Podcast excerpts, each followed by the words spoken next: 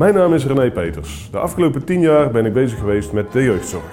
Eerst als adviseur, toen als wethouder en nu als Tweede Kamerlid. In deze podcast ga ik in gesprek over allerlei aspecten rondom de jeugdzorg. Om te komen tot praktische handvatten om de zorg voor onze jeugd te verbeteren. Welkom bij Peters Podcast.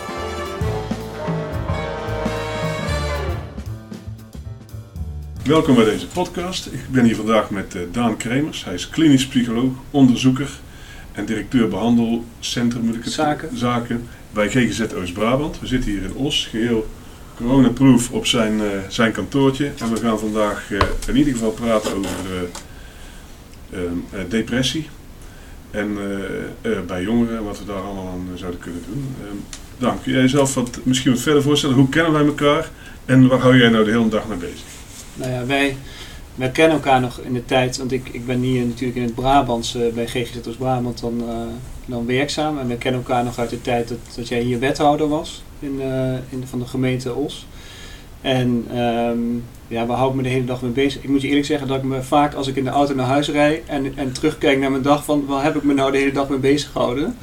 Maar ehm, in de regel kan je mijn werkweek wel in drie werkzaamheden scheiden. Aan de ene kant zie ik, ik werk op onze eh, net gecertificeerde top GGZ afdeling eh, voor depressie bij jongeren eh, als klinisch psycholoog. Dus wij zien eh, eigenlijk in een bovenregionale, wat meer landelijke functie de meest depressieve en suïcidale jongeren eh, waar bij andere behandelingen niet hebben gewerkt.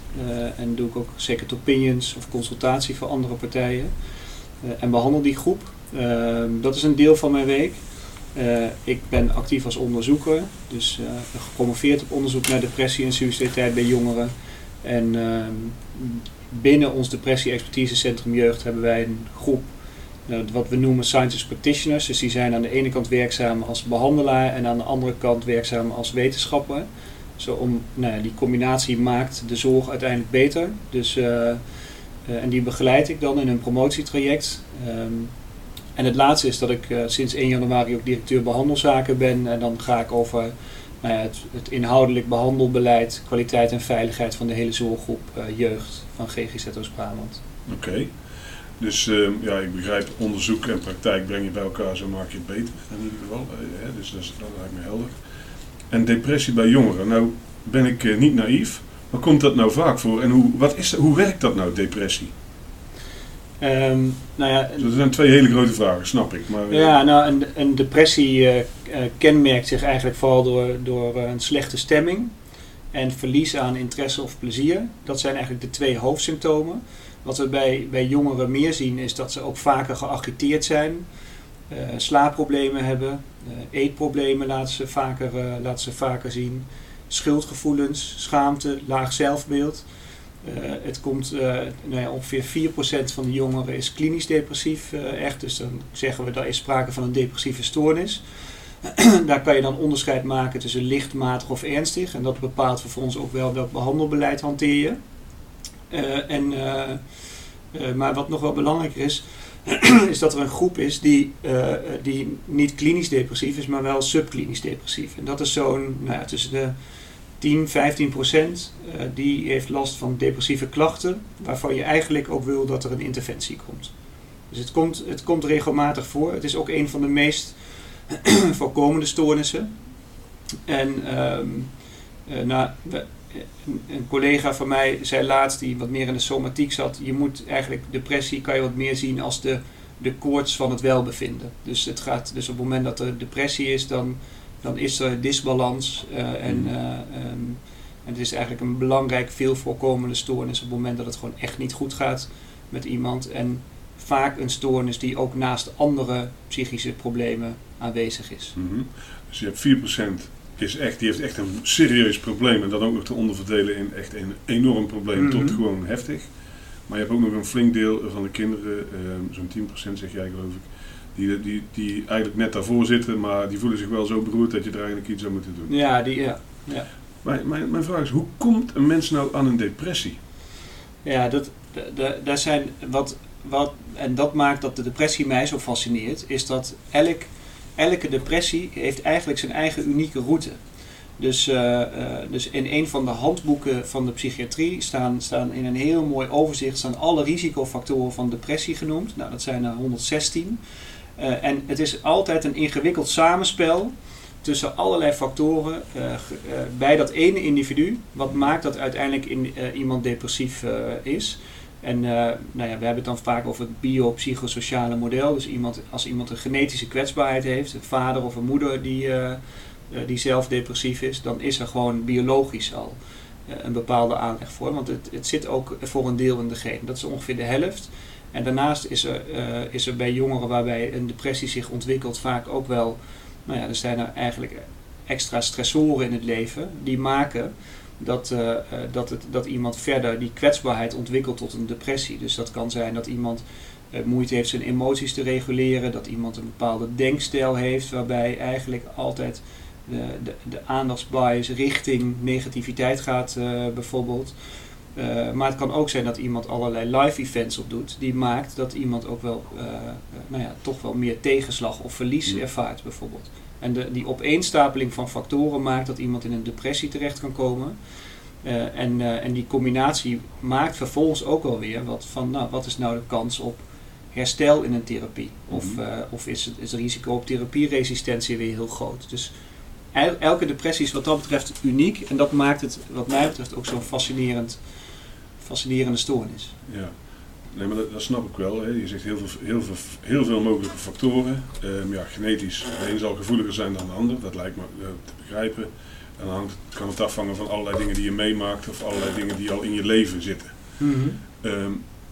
maar als we nu weten dus dat er allerlei, allerlei verschillende mogelijkheden zijn, hoe ga je nou voorkomen dat mensen zo in een want het lijkt me ook ongelooflijk ingewikkeld dan om te zeggen hoe gaan we nou voorkomen dat die kinderen in, de, in, de, in, de, in een depressie schieten. Als het toch allemaal weer iedereen om een andere reden komt. En hoe vind je die kinderen dan op tijd?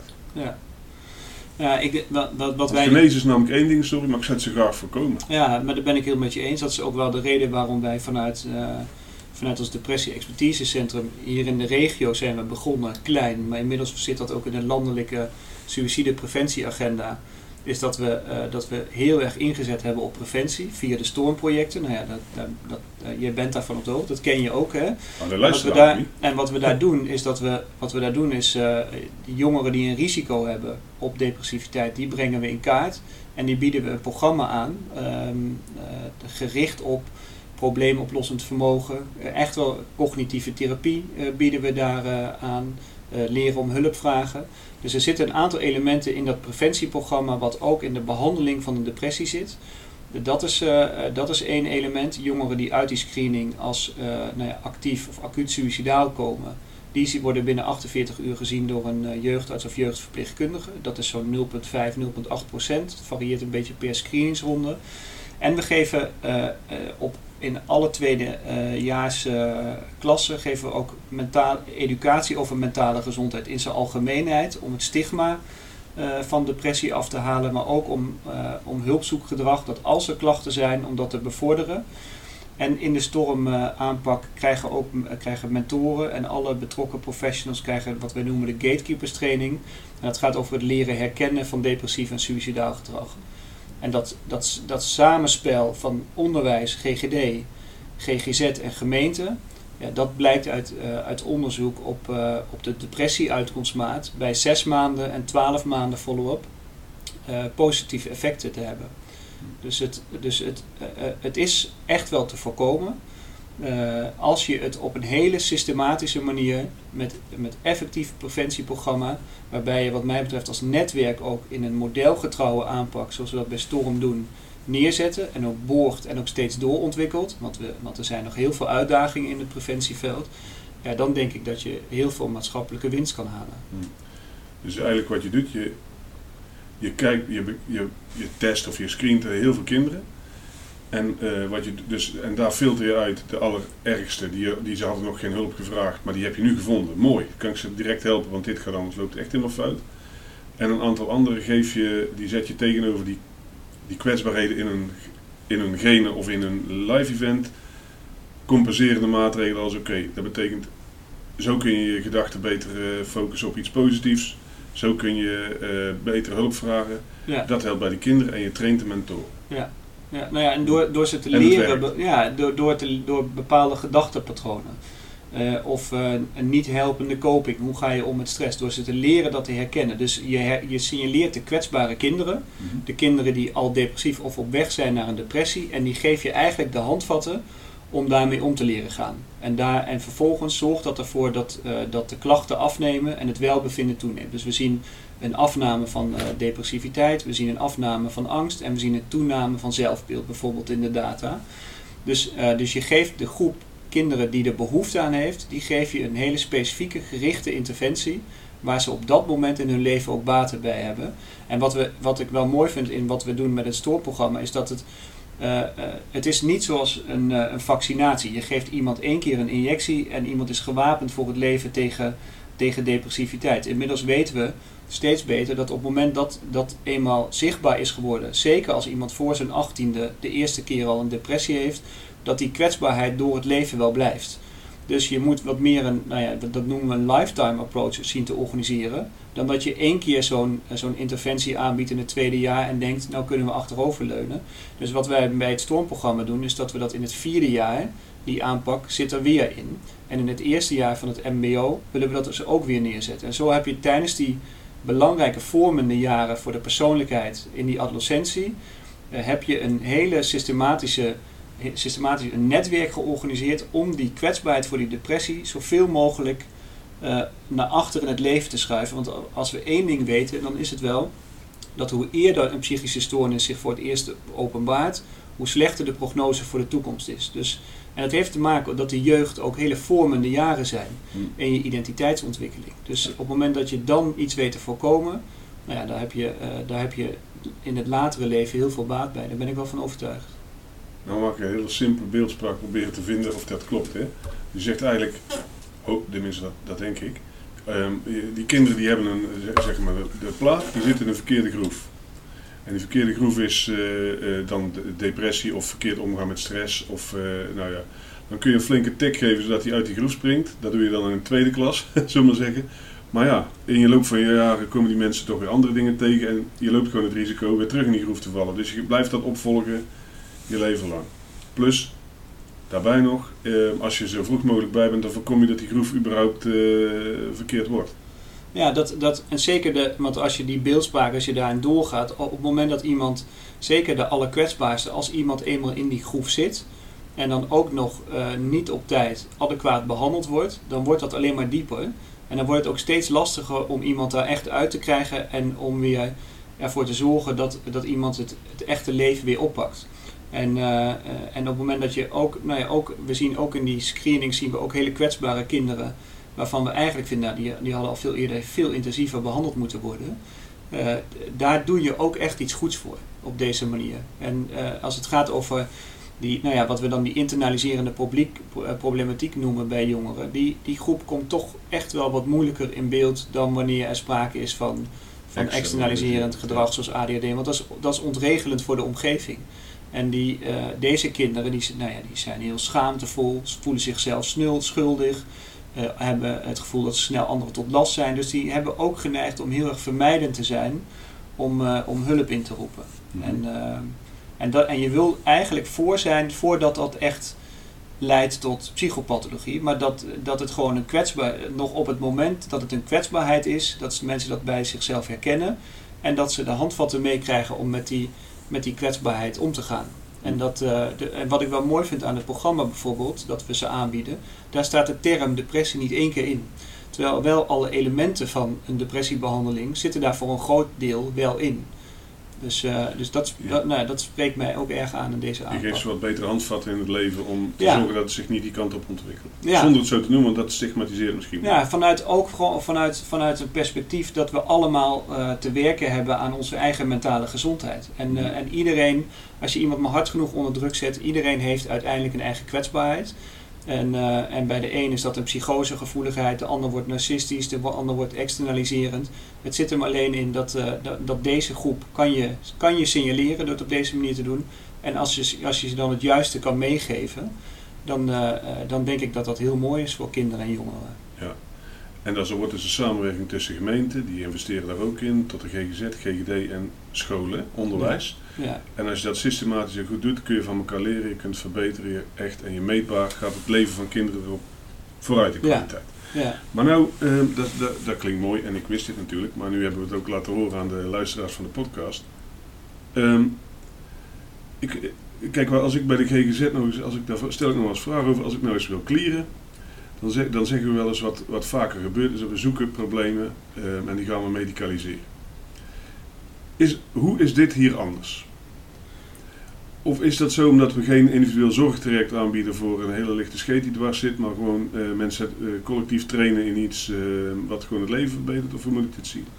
Want heel dikwijls is mijn kritiek, dan zeg ik altijd, we zeggen dat het preventie is, maar het is hele, hele lichte zorg voor bijna geen probleem. Nou ja, dit is, dit, is, dit is preventie. En als we iets weten, dan is, dat, dan is het wel dat preventie uiteindelijk meer oplevert dan, eh, dan interventie. Alleen, het probleem is dat wij in Nederland eh, hebben wij over het algemeen best wel hoge verwachtingen van, eh, van preventie. Je hoort ook heel vaak wethouders zeggen, ja, ik investeer in preventie, maar mijn kosten van de jeugdzorg worden nooit minder. Ja. En dat is, ja, dat is ook waar. Dat, eh, en tegelijkertijd, ik zie, die, ik zie daarin twee dingen. Als je het mij vraagt, hè, ik denk dat we op een veel intensievere manier moeten investeren in preventie. Waarbij er niet alleen meer middelen naartoe moeten, maar ook daadwerkelijk meer eisen gesteld worden, moeten worden aan de kwaliteit van preventie. Want zoals we in de GGZ zeggen, we werken met zorgstandaarden, kwaliteitsstatuten, professioneel statuten, welke behandelaar mag wat doen. Eh, de preventiesector is dat wat, wat dat betreft helemaal vrij. Daar stellen we met elkaar heel weinig eh, eisen en dat mag wat mij betreft strakker. En, eh, en het gebruik van die evidence-based programma's, maar ook een, een, wat we bij Storm doen, dat netwerk eh, met elkaar organiseren, een regio omlijnen en zeggen dit is dan een nieuwe stormregio. En daar gaan deze, deze en deze interventies in, want daarvan weten we dat het werkt. En we monitoren met elkaar ook het Dat groepje directeuren van het onderwijs, van het GGZ, GGZ, de wethouders en de GGD monitoren ook de modelgetrouwheid en de kwaliteit van de uitvoering van storm. Dus ik denk als je die preventie beter gaat neerzetten, heb je daar betere effecten van. Dus ik vind dat niet meteen, eh, dat vind ik wat anders dan, ja, ja, ik vind dat wat anders dan zorg, waarbij je elk individueel kind maatwerk levert, want dit is op groepsniveau Precies. aanbod organiseren. En ik denk dat we in het stelsel eh, echt veel beter moeten gaan zorgen voor de allerkwetsbaarste kinderen. Dus de GGZ-instellingen waarvan we weten dat die de kwetsbaarste kinderen krijgen omdat ze de regionale eh, crisisdienstfunctie hebben. En, en, en zorg ook buiten kantoortijden geleverd moet worden. Ja, dat, je, dat je als regio's in eerste instantie zegt, wat hebben die instellingen nou nodig om voor de allerkwetsbaarste groep in deze Mhm. regio echt goede zorg te organiseren. En, eh, en alles daartussenin, daar, ik weet, daar ben jij kritisch op.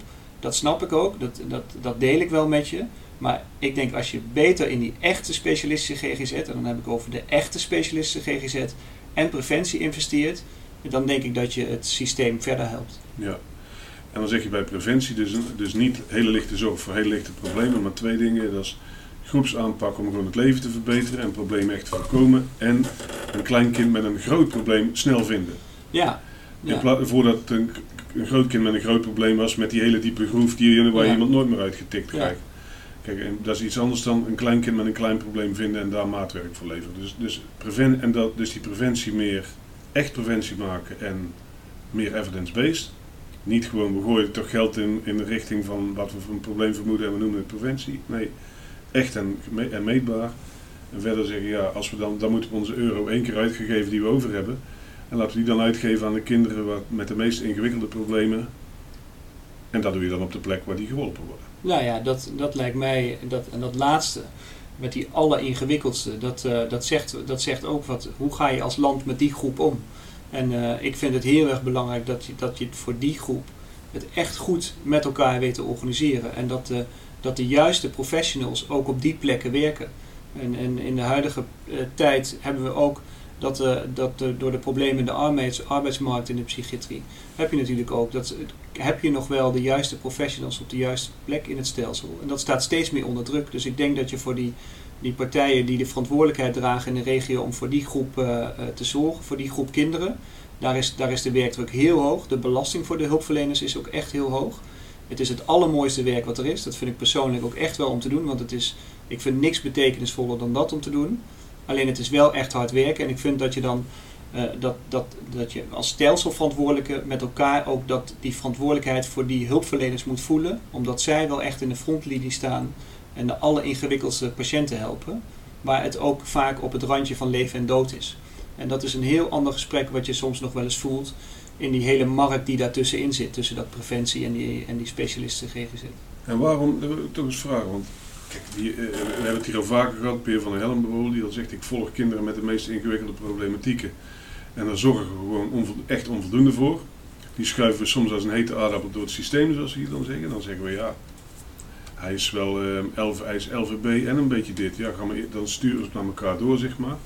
Hoe kunnen we nou beter zorgen voor deze meest ingewikkelde kinderen? Dat is eigenlijk mijn, mijn eerste vraag. Hoe vinden we die of hoe, hoe zorgen we dat die meteen hier terechtkomen of bij een vergelijkbare plek?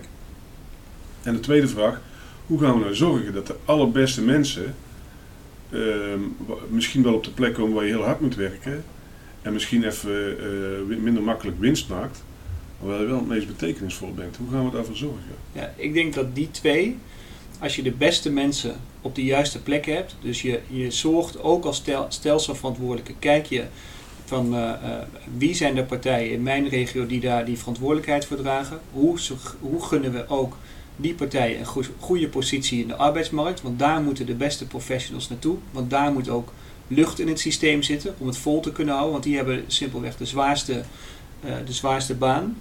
Uh, en je zorgt er ook voor dat, want het, die groep die jij beschrijft, over die alleringewikkeldste, het is inderdaad, het is, uh, het is een eetstoornis, het is, is het nou autisme of niet, is het nou borderline of niet, hoe zit het nou met, met de LVB, dat, dat gaat altijd over sectoren heen. Dus dat vraagt dat vraagt creativiteit uh, van verschillende sectoren om met elkaar in gezamenlijkheid vanuit de waarde van wij doen het samen uh, de zorg dan uh, te organiseren. Maar op het moment dat een stelsel dusdanig onder druk staat en, en al die partijen apart het alle hens aan dek is, dan is het soms nog wel eens heel ingewikkeld om met elkaar die creativiteit te vinden. Ik vind het wel onze verantwoordelijkheid dat dat lukt, dat dat moet lukken. Want ik vind simpelweg, het, het mag niet gebeuren dat die kinderen op die manier in de kou staan.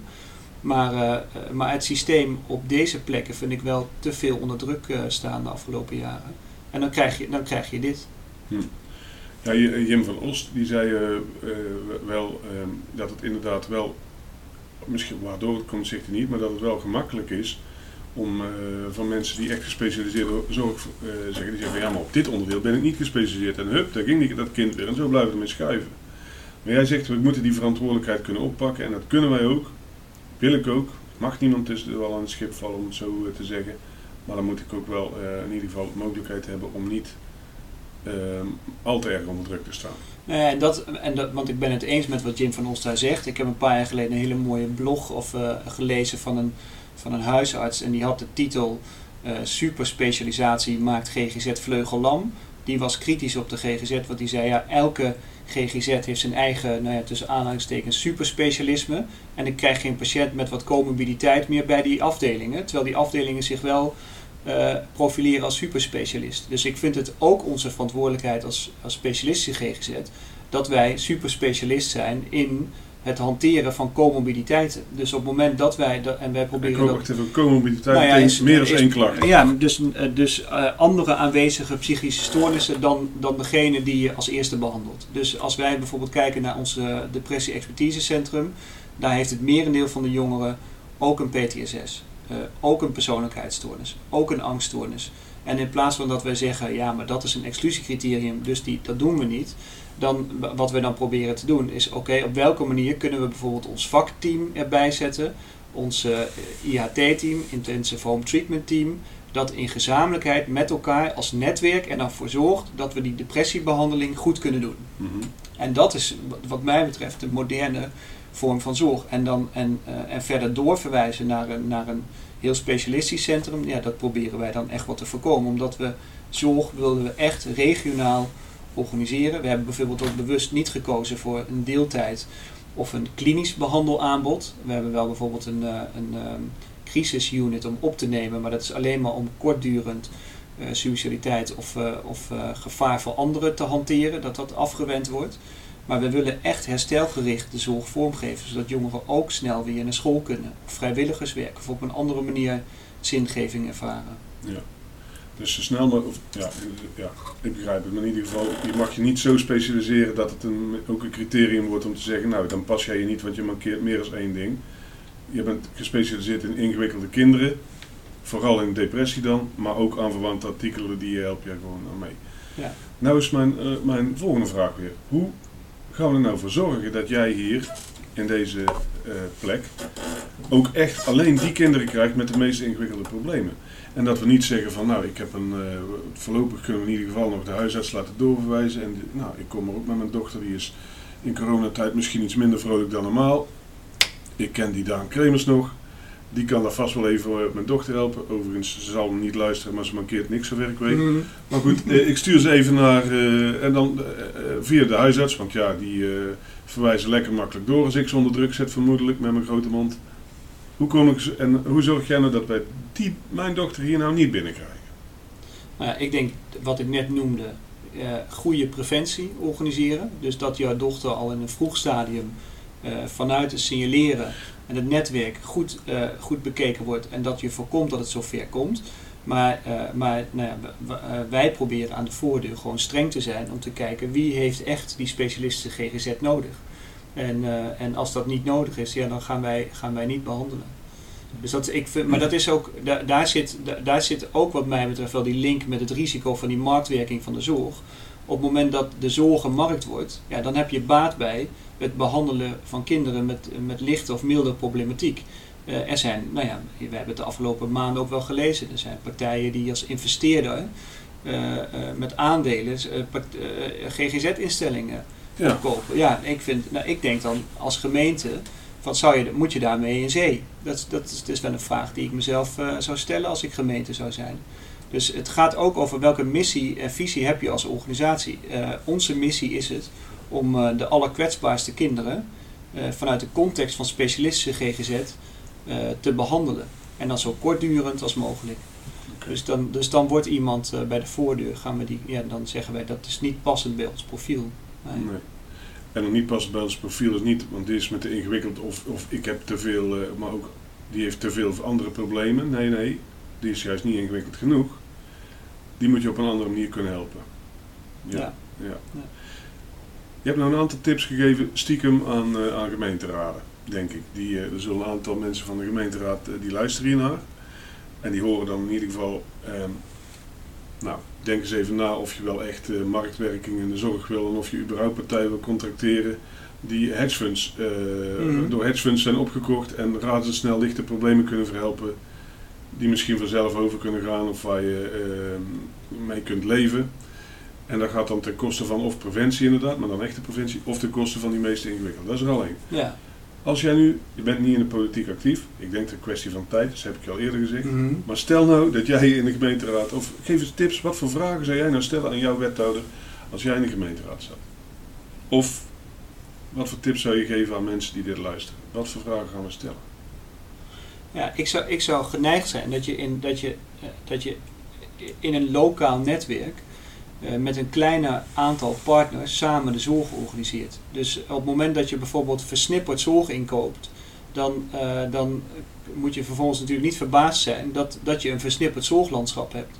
Dus, eh, dus met, met een aantal aanbieders in gezamenlijkheid die verantwoordelijkheid echt nemen voor, eh, voor, een, eh, voor die kleine groep allerkwetsbaarste, dat vind ik persoonlijk de allerbelangrijkste.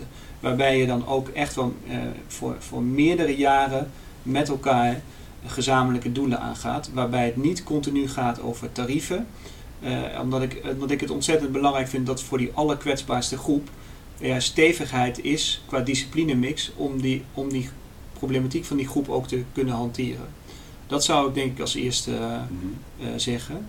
En verder, ja, ik, ehm, eh, ik zie ook ontzettend veel wethouders en gemeenteraadsleden echt knetterhard werken om het zo goed mogelijk te doen in het stelsel waarin ze met elkaar ook zitten. Dus, eh, ehm, dus ik, wat, wat ik zelf probeer te doen is vooral met elkaar in gesprek blijven. En, eh, en dit soort signalen die ik probeer af te geven, eh, goed, goed te horen. En, eh, en op die manier met elkaar echt eh, een soort partnership aan te gaan. Dus dat, eh, dat vind ik belangrijk. En, en daarin ook aanbieders durven te vertrouwen dat ze zuiver in de wedstrijd zitten. Eh, en ehm, ja, dat vind ik persoonlijk denk ik nog wel misschien wel het belangrijkste. Ja. Waarbij ik dan toch maar zeg, uit eigen ervaring ook wel, vertrouwen is goed. Maar verantwoording betekent wel ook antwoord geven waarom doe je wat je doet. Dus Mhm. dat gesprek is wel eh, continu, denk ik. Ja, absoluut. Ja, absoluut. Volgens mij zijn we langzaam rond aan het, aan het verhaal. En dan zou ik het dan zeggen van oké, jouw verhaal is helder. Je zegt aan de ene kant, zet nou in op preventie. Geef gedra- eh, train kinderen in de breedte gedrag wat compenseert voor wat ze misschien in hun leven nog tegenkomen. Doe dat niet één keer, maar blijf dat volgen. Want eh, dat is één. En dat is dan dus een vorm van preventie. En een tweede vorm van preventie is vind nou kleine kinderen met grote problemen voor het grote kinderen met grote Mhm. problemen worden. Nou, dat is grappig, want dit is ongeveer wat we in 2014 in ieder geval met de mond beleden. Of we het allemaal hebben gedaan is even vraag 2. Maar dit is preventie. Dus iets anders dan individuele zorgtrajecten voor lichte problemen. Eén kant. En tweede kant laten we, als we de euro maar één keer uit kunnen geven, focus op eh, de kinderen met de meest ingewikkelde problematiek. Als je dat doet, maak, kies welke partners je en help je hierbij. Maak langjarige afspraken met die mensen. Doe zoals Ab Klink zegt, druk niet op de tarieven. Maar zeg, betere zorg is goedkopere zorg, want duurt korter, minder lang. Eh, werkt ook beter natuurlijk. Nou, en je houdt, je houdt de, ja, want je stelt st- instellingen in staat om voor de mensen die dat moeten doen, om daar goed voor te zorgen. En dat, dat is in deze tijd misschien nog wel een van onze grootste uitdagingen, dat je het talentvolle, goed gekwalificeerde personeel ook bij die kwetsbare kinderen weet te brengen. Dus, eh, en, en daar hebben instellingen hulp bij nodig om dat te organiseren. Die is helder. Dus eh, dat is de laatste tip. Daan, wij zijn rond aan de podcast. Ehm, als ik eraan denk, dan vraag ik wel, eh, wel eens aan zo'n ehm, ja, zo'n persoon die ik dan eh, fijn probeer te interviewen. Kun je nou in één zin jouw allerbelangrijkste boodschap, die nu in de hoofden van de wethouders en raadsleden en werkers die dit luisteren, gehamerd wordt, eh, als uitsmijter zeggen? Of moet ik daarbij zeggen, stel nou mij in staat om de beste mensen hier ook gewoon te hebben en te houden, zodat ik kan waarmaken wat ik beweer. Ja, die vind ik misschien wel, die vind ik misschien wel het mooiste. Ja, en erken hoe ziek sommige kinderen echt kunnen zijn en dat vraagt specialistische zorg. Inderdaad. Dankjewel Daan. Ik vond het weer een fijn gesprek. Dankjewel. Dank je voor het luisteren naar dit gesprek. Ik hoop dat je het interessant gevonden hebt. Delen mag, vergeet je niet te abonneren en tot de volgende aflevering van Peters Podcast.